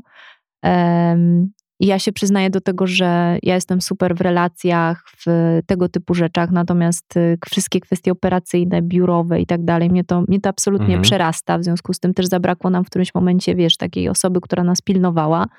Więc naprawdę upadłyśmy i mocno ryłyśmy i są momenty, że dalej ryjemy gdzieś tam ziemię. No ale how to jest i, i, i sobie naprawdę świetnie radzi. Teraz za chwilę startuje kolejna, kolejna taka moja rzecz zawodowa, w której jestem już od długiego, długiego czasu, tylko w końcu zostanie gdzieś tam sformalizowana. Mm, czyli, jak ja to mówię, moja historia biznesowa, bo projekt, firma nazywa się Achstory. Mhm. E, I od już dłuższego czasu e, pracuję z różnymi markami, tylko to takie mało medialne jest, którym budujemy przeróżne strategie marketingowe, komunikacyjne, wiele kampanii, które nawet są, toczą się, są wymyślone przeze mnie. Mm, Więc teraz już ruszamy z tym tak oficjalnie, ponieważ od marca, kwietnia rusza dość e, e, dużo z naszych takich projektów właśnie marketingowo-komunikacyjnych z różnymi markami. Oprócz tego bardzo dużo robię szkoleń z autoprezentacji i z wystąpień przed kamerą, czyli uczę tego, czego ja Mhm. się nauczyłam i czego mnie nauczono e, w telewizji. E, Ludzie w firmach różnych i z różnych branż potrzebują teraz takich kompetencji, takich narzędzi, a ja jestem jedną z osób, które, które mogą im tego dać i nauczyć ich właśnie takich różnych fajnych, ciekawych rzeczy. No więc tak pokrótce to, to właśnie to. No. Od czasu do czasu jeszcze też y, jestem influencerką, ale taką, wiesz, inną, no. Taką, która lubi Inną. content budować. To znaczy, ja nie lubię pokazywać, y, no, widzisz, mam na przykład kubek tutaj o żurnalista, nie? Świetny kubek. Świetny Możesz kubek, ale wyobrażasz sobie właśnie, żebym zrobiła zdjęcie i, i powiedziała, e, no taki kubek kosztuje 9,90, jest dzisiaj super promka. No. To nie jestem kompletnie ja. Tylko nie masz, bo ja uważam, że to jest problem też film, że to one nie potrafią komunikować. Dlatego przychodzimy my, ubrani cali na biało Mhm. i mówimy, fajny macie ten kubek, ale my go tak nie pokażemy. I kładziemy im na stół na przykład propozycję kanału, e, zbudowania fajnego kontentu, ja, napisania to, to ja też jestem. uważam, że budowanie kontentu Znaczy, na kanałach, na, że no, tak jak masz te firmy, to one tracą czasami wiarygodność budując tak swoje treści od A do Z, że wydaje mi się, że fajniejsze jest inwestowanie w fajną treść zewnętrzną, to jest, to jest moje zdanie, e, niż budowanie czegoś od zera, bo od zera od razu ma narzucony ten kunszt, że to jest tej firmy. Ja dlatego bałem się wchodzić w współpracę z firmami alkoholowymi, bo przez to, że one tworzą sobie rozmowy często Mhm. na tej zasadzie, to bałem się, że zostanę w tak wtopiony w tą ich No dobra, markę. no to, to, to, to, co byś zrobił? Gdyby przyszła do ciebie taka firma, nie? No, że Mhm. ona chce się zareklamować z tym kubkiem, to co byś im zaproponował? Co bym im zaproponował? Hmm, ja na pewno nie, nie, starałbym się wykluczyć reklamę taką, Mhm. jaką już mogłem gdzieś zobaczyć. To jest, Okej. to jest podstawowa rzecz. I druga sprawa, że niestety często u mnie marki odpadają za to, że, so, że ja się Że pytam, chcą dosłownie. że chcą dosłownie i dwa, że pracują z każdym. Mhm. Że masz takie firmy, że przeglądasz e, Instagram i widać, że firma Już robiła wszyscy. kampanię. Ostatnio widziałeś te pralki. Mhm, no. no i to jest właśnie coś takiego, czego ja chcę unikać, wiesz, Mhm. bo to jest to, żeby nie iść z trendem albo z jakąś tam kampanią, albo jak idziesz, jako jest duża Mhm. kampania, ale tylko z tobą, to okej. Mhm. Ale kiedy to jest kampania, że ktoś bierze 10 albo 15 albo nawet i Mhm. więcej tych twórców, to ja już od tego się cofam. Uważasz. No, Tak, natomiast też na koniec dnia i Boże, no też sobie to powiedzmy wprost, no rachunki z czegoś trzeba tak, płacić. tak, tak, no Więc dlatego ja ja tego nie oceniam. Nie oceniam też tego, że ktoś bierze i tak dalej, e, takie oferty współpracy, bo może nie potrafi inaczej. Wiesz, nie każdy może sobie pozwolić też na to, żeby, żeby zrobić inaczej, nie? A nie masz wrażenia, że im się nie chce myśleć, jak to Też, zrobić inaczej, też. tylko po prostu idziesz utartym szlakiem, bo tak robią inni. No, powiem ci tak, że jak ja widzę, że ktoś reklamuje kody rekla reklamowe, to Mhm. najchętniej bym go przytulił. Nawet jakby Mhm. był taki elektryczny jak ty.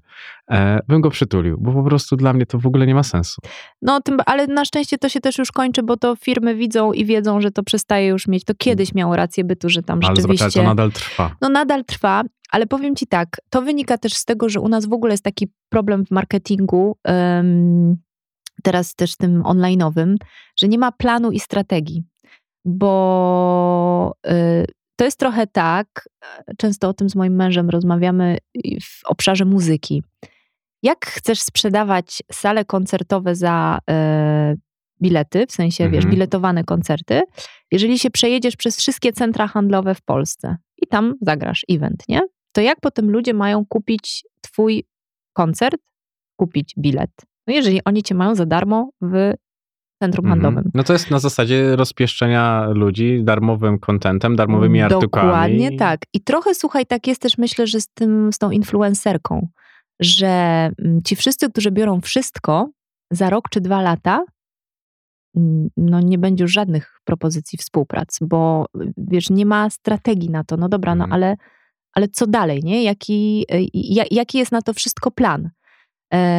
I to jest coś, co, na co ja będę patrzyła też y, tak socjologicznie w ogóle i biznesowo przez najbliższe lata, bo ten influencing będzie musiał się y, zmienić, bo firmy już zaczynają wycofywać się właśnie z takich współprac, jak ty mówisz. To jeszcze jest, natomiast to się zacznie absolutnie zmieniać. I ci, którzy właśnie nie mają tego kontentu, nie mają pomysłu na siebie, nie wiem, czy im się chce, czy im się nie chce, no bo wiesz, to jest najprostsze, zrobić zdjęcie, przyjąć kasę, nie?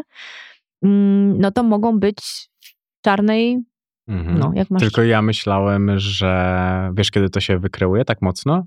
Kiedy przychodził COVID i wiedziałem, że fundusze marketingowe zostaną trochę uszczuplone i że nagle tak będą się bardziej przyglądali temu, kto, kogo biorą do kampanii. A wiesz, czemu się jeszcze nie przyglądają? dlatego że online nie był jeszcze tak silny i nigdy, jak Mhm. właśnie w czasie COVID-u, bo całe nasze życie poszło w online. Wszyscy zaczęliśmy robić zakupy w online i oni tego jeszcze nie poczuli. Ale to Mhm. jest, y, to jest trochę bomba z opóźnionym zapłonem, wiesz, to, to się wydarzy, tylko może jeszcze nie teraz. Zobacz, co się dzieje w Stanach. Tam się kompletnie odchodzi od reklam i od lokowania takiego wprost. Tam naprawdę jest budowa kontentu. No wszyscy mówią na świecie, że kolejne jednorożce, kolejni jednorożce w startupowym tym świecie, Mhm. w Dolinie Krzemowej, czy w ogóle na świecie, to będą startupy edukacyjne, które coś wnoszą. To idziesz w dobrą stronę. Zawsze. E, nie będę tutaj wymieniała nazw, bo, bo, bo nikt nam nie zapłacił za lokowanie, e, ale jest parę takich startupów, które sobie obserwuję, głównie platform e-learningowych, które Mhm. zbierają rundy inwestycyjne na poziomie po prostu kilkudziesięciu czy kilkuset tysięcy mm, mi- milionów dolarów w ogóle. Mhm. E, podejrzewam, że parę lat temu to się wszyscy stukali w głowę, że w ogóle no gdzie? No gdzie dzieci się będą uczyły angielskiego online'owo i ktoś za w to ogóle zapłaci? przestań, jakie są zajebiste aplikacje teraz do nauki języków. Ja teraz zacząłem się uczyć przez aplikację mobilną i to jest genialne. To jest tak dobrze zrobione, że ja na początku byłem takim hejterem, nawet nie chciałem do tego podchodzić. A teraz uważasz, że to jest super. Teraz uważam, że to jest zajebiste, bo ja mam Mhm. wolną chwilę, tam możesz ustawić sobie długość lekcji i po prostu siedzę i zamiast mam patrzeć e, w serial, wolę sobie porozwiązywać słuchaj, angielski. Ja ci powiem więcej. Moja teściowa ukochana, mama Grześka, e, w ogóle ja miałam szczęście do teściowych, tak w ogóle, to y, chyba boi się, że my spełnimy nasze gadanie o tym, że kiedyś wyjedziemy z kraju, więc postanowiła uczyć się języka. Ona akurat i chyba angielski, nawet nie wiem, czy hiszpańskiego nie wzięła na warsztat, bo my tam Hiszpanie, Hiszpanie cały czas gdzieś tam odmieniamy przez różne przypadki. Mhm. Czyli Grzegorz jest pewnie kibicem jakiejś Barcelony, jakiegoś Realu. lubi piłę, no ale wiesz co, on nie ma jakiejś takiej swojej drużyny, że... że Drużynę ma w domu. fana, no ma dużą, że fanatyk.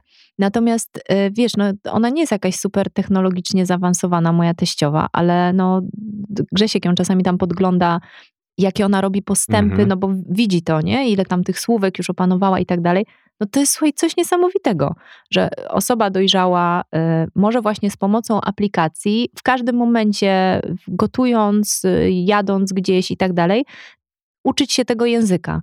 No parę lat temu, wiesz, to było nie do pomyślenia w ogóle, żeby takie rzeczy były. No ja ci mogę powiedzieć, że to było nierealne, że ja usiadł do No do i widzisz, no ona jest przykładem, że się da. Wiem, że mój mąż, nie będę mówiła jakiego języka, ale również się uczy nowego języka po nocach y, w aplikacji. Nasze dzieciaki uczestniczą i powiem ci, że jestem pod takim wrażeniem, że im się to spodobało, że same się dopraszają, jak mają w kolejnym tygodniu lekcje poumawiane z native'ami. Te aplikacje są wszystkie takie, wiesz, interakcyjne y, z nimi. Mm, Bez problemu sobie one same z tym wszystkim radzą. Mają tam, zbierają Mhm. punkty, jakieś medale, konkurują między sobą. Znaczy, edukacja i budowanie kontentu tego właśnie typu jest dla mnie absolutną e, przyszłością. I bardzo się cieszę, że w tym uczestniczę. W sensie, że, że widzę, że mamy realny wpływ na to, żeby właśnie to budować. Powiem Ci więcej, Polacy w ogóle mają tyle Mhm. super pomysłów i tyle startupów leży jakby na stole, które są mega interesujące, że to jest naprawdę fantastyczna rzecz. Ja miałem taki moment e, 5-6 lat temu, że dużo w tym siedziałem, dużo lubiłem. e, Lubiłem to Michał Sadowski, Mm. Juri Drabent i, i ta cała, ta cała ekipa bardzo, bardzo pozytywnych Znaczy ja e, to ludzi. lubię czytać właśnie jak y, zbierają fundusze, nie? To mnie Mhm. w ogóle to mnie zawsze tak czytam te historie ludzi, którzy zaczynają od garażu, inwestują 10 tysięcy, a potem zbierają po kolei te wszystkie rundy inwestycyjne i się rozwijają i kupują zagraniczne fundusze. To jest no nawet chyba nie spodziewałam, że też będę No, w- tym uczestniczyć, nie? Kiedy się w tym, czymś takim zakochałaś? Bo to trochę trzeba się zakochać, żeby się w tym zatracić. No jak zaczęłam widzieć pewne efekty pierwsze, ym, na pewno to, to, to nie jest jeszcze tak, że czuję się w tym pewnie, bo, bo naprawdę ostatnie dwa lata zawodowo też przez ten COVID, z jednej strony COVID dał nam kopa, Mhm. ale z drugiej strony nam też bardzo utrudnił zawodowo życie pod wieloma względami. No ale jak stajesz do takiego komitetu i na przykład, nie wiem, dostajesz wycenę swojej spółki i patrzysz na to i sobie myślisz, to się dzieje, mm, no to, no to chce ci się więcej, nie? To jest to e, tak, jak e, ludzie, którzy osiągnęli sukces w życiu, mówią mi, mm, jak ja się pytam, ale po co ty jeszcze pracujesz? W sensie, po co ci ta Mhm. kolejna firma? Po co ci jest ta kolejna spółka, skoro no wiem, że tyle zarobiłeś, tyle, za tyle sprzedałeś i tak dalej, zawsze mi wszyscy odpowiadali, Aga, zobaczysz. Zobaczysz, że to nie zostaniesz z jednym No projektem to nigdy nie chodzi o pieniądze. że to potem już nie chodzi o kasę. I chyba coś takiego jest. Poza tym dla mnie możliwość współpracy teraz z osobami, i to nie chodzi o to, że to są często e, ludzie z pierwszej setki najbogatszych Polaków, ale z ludźmi, którzy stworzyli ogromne, globalne biznesy i ja z nimi siadam do stołu, czy spotykam się na lunch i, i czerpię od nich no, przeogromną wiedzę, Mhm. taki mentoring biznesowy, no to jest coś, słuchaj, czego by mi mm, myślę, że żadna polska szkoła nie dała. Chociaż to są też osoby, które mnie na przykład bardzo namawiają, tylko na to nie mam czasu, że, że pewnie przyjdzie taki moment w życiu, że uważają, że powinnam na przykład wyjechać gdzieś, czy to do Anglii, czy to do Stanów, na jakiś uniwersytet i zrobić sobie na przykład jakieś studia jeszcze dodatkowe, jakiegoś MBA czy, Mhm. czy coś innego. I powiem ci, że taka myśl w mojej głowie e, jest. Jak sobie uporządkuję tutaj pewne rzeczy zawodowe, to myślę, że doprowadzę do tego, żeby przede wszystkim mm, w mojej głowie w końcu pogodzić się z wielką porażką edukacyjną, e, a mianowicie z tym, że nie wyjechałam na wymianę za granicę. Strasznie tego żałuję. A mogłaś. A mogłam i nie zrobiłam tego, wiesz dlaczego? Bo Nie. zaczęłam pracować w telewizji. No dobra, ale to też e, nie masz Wymówka? czego żałować. Nie, nie A. masz czego żałować. Nie, no dlatego, słuchaj, no ja miałam taką szansę, złapałam jakby ten pociąg i nim odjechałam, natomiast sobie I dzisiaj myślę, że... jesteś w miejscu, w którym jesteś. Myślę sobie, że jak będę miała 40 parę lat, to może do takich studiów e, wrócę. Chciałem powiedzieć, że to niedługo. No bo, no bo niedługo, no, no co mam ci W powiedzieć? którym kierunku idą media? W złym. Co to jest przyszłością mediów? Em, co jest z Mm. przyszłością, czy Przyszło- z przyszłością? Nie, przyszłością. Czym mogą, na czym mogą budować przyszłość? Mm, No boję się, że niestety budują na fake newsach, na takim szumie komunikacyjnym, bardzo nieetycznym jeszcze. Mm, Zobacz, jak media mogą sterować nami, polityką, wszystkim. Dlaczego Trump wy- wygrał wybory Bo jest w Stanach?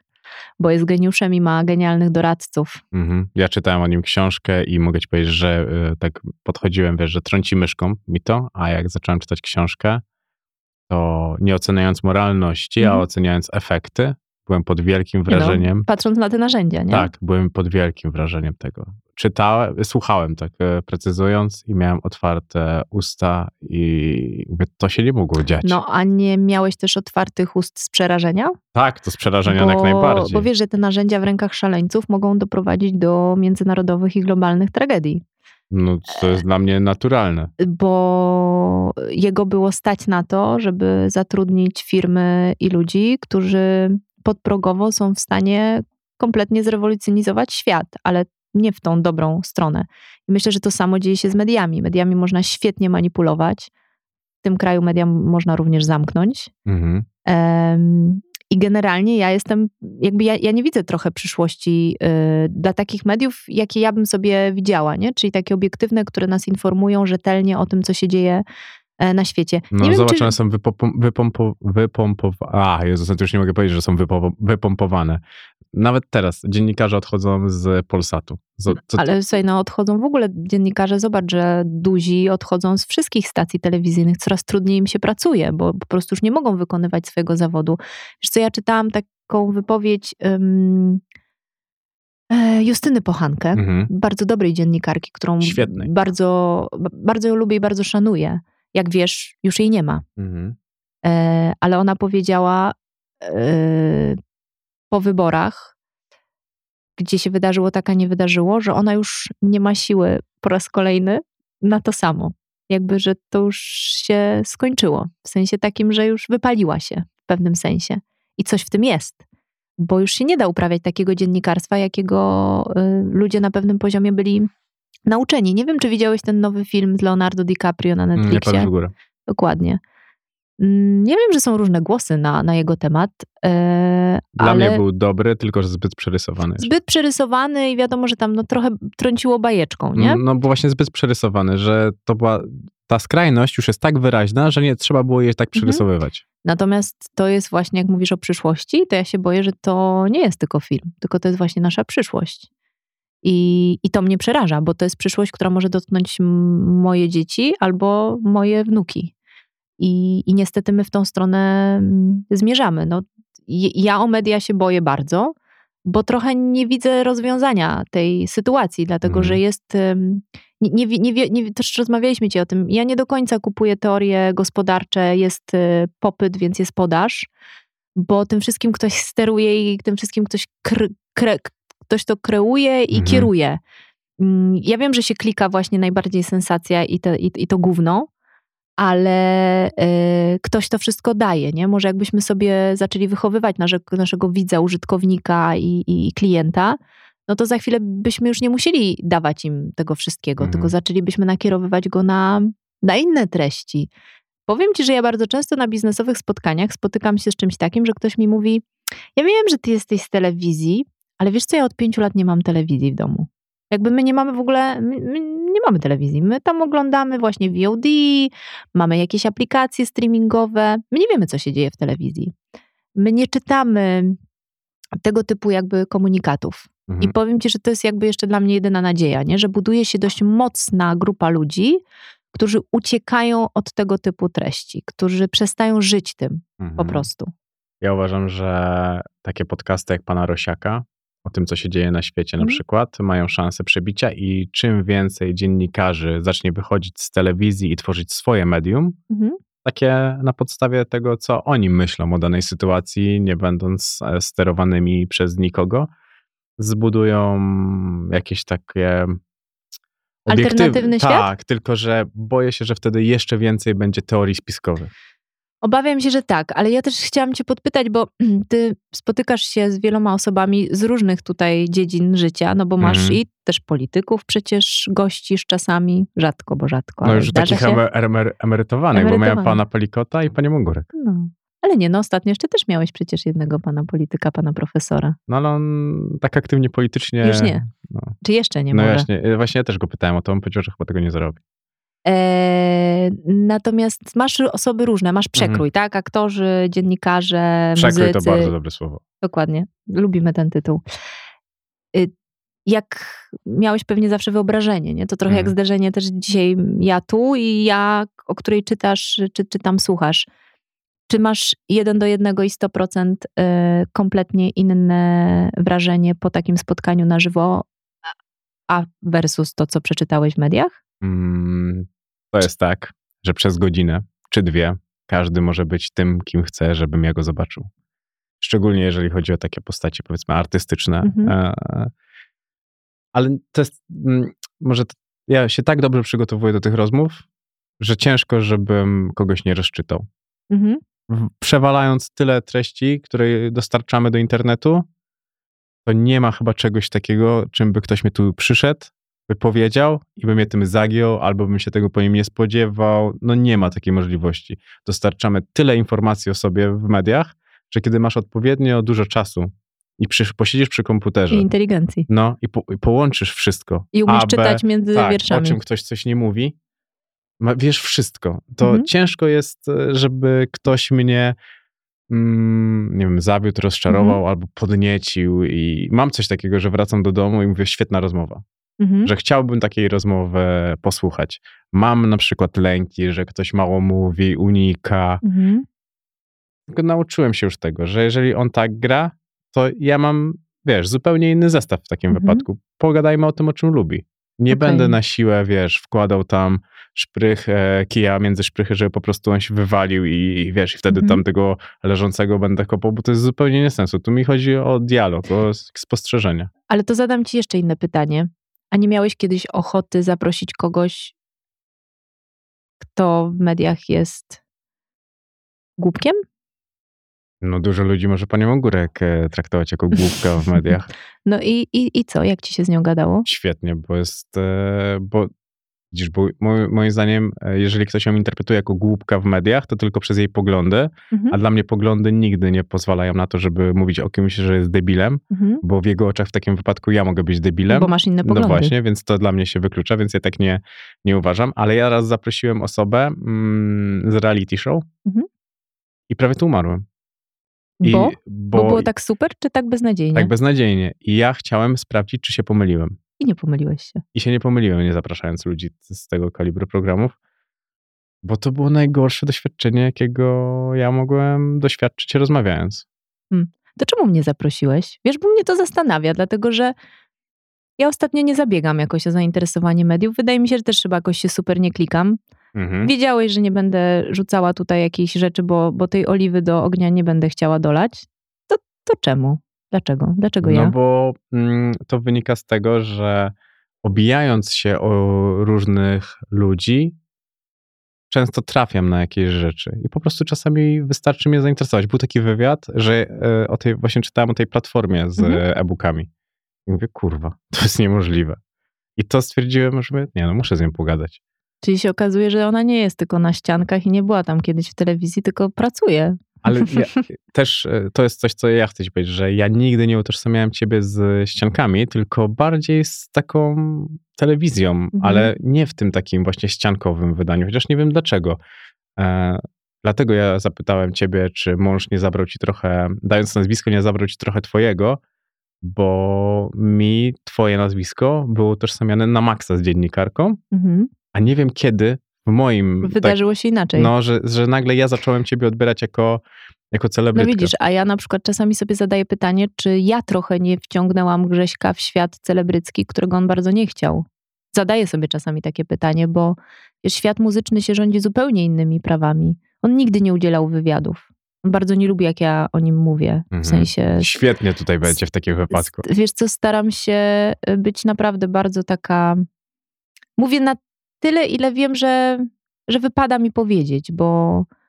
Yy, no bo bądź bliski dla bliskich, to się, to się naprawdę sprawdza. Mhm. I, i, myślę sobie czasami, czy to też trochę nie jest miecz obusieczny, jak to się mówi. Że z jednej strony okej nazwisko, a z drugiej strony gdyby on miał, powiedziałam ci to na początku, Mhm. myślę, że jak jego żona byłaby panią z banku albo Panie z panią banku są zawsze bardzo ładne. z korporacji, hm, to on nie byłby interesujący prywatnie i nie byłby w tym mainstreamie gazetowym. I myślę, że byłoby mu też muzycznie dużo e, łatwiej. Tak sobie myślę. To jest pewna dywagacja nad tym, co mogłoby być, ale wiemy, jak jest inaczej i trzeba to Na klatę. tak z- zaakceptować. E, Ja na to patrzę z takim uśmiechem na ustach, bo interpretujemy czasami ludzi tak błędnie, że ludzie, którzy są źle interpretowani, czasami powinni się z tego śmiać, a nie się tym przejmować. Mam się śmiać? Mhm. Moim, moim, zdaniem tak, tak to powinno A wiesz, tak że coraz więcej być. się z tego śmieję? W sensie takim, że coś czytam, po czym mm, wkurzę się. Ten pierwszy Mhm. moment takiego zderzenia to jest, że się wkurzę. A potem biorę głęboki oddech i za chwilę mam jakieś rzeczy zawodowe do zrobienia. Przylatują dzieciaki. Em, chyba się robię coraz starsza, bo coraz bardziej mam takie poczucie upływającego czasu, że naprawdę nie warto tracić czasu na rzeczy, na które nie mamy wpływu. Poza tym potem przychodzi taki moment, nie wiem, choroba, choroba dziecka, choroba kogoś bliskiego. W covid wielu z nas straciło bliskich przecież ludzi, że jak sobie na wagę nie dajesz Mhm. te rzeczy, to sobie myślisz, kurde, no, czym w ogóle my się przejmujemy? Jakby to nie tu jest istota tego wszystkiego. A bardzo bym nie chciała w wieku 50, 60, mam nadzieję, że i 70 lat, mieć takie poczucie, że te najfajniejsze lata, kiedy się chciało, kiedy się wyglądało, kiedy mm, jeszcze była taka siła i entuzjazm Mhm. do tego życia, że straciło się to na, na takie właśnie bez sensu boksowanie się z rzeczami, na które nie mamy wpływu, na ludzi, na Mhm. których nie mamy wpływu, na jakieś toksyczne rzeczy, które się wokół nas dzieją, a po cholerę. Po cholerę. To jest idealne podsumowanie. Dziękuję. Dziękuję również.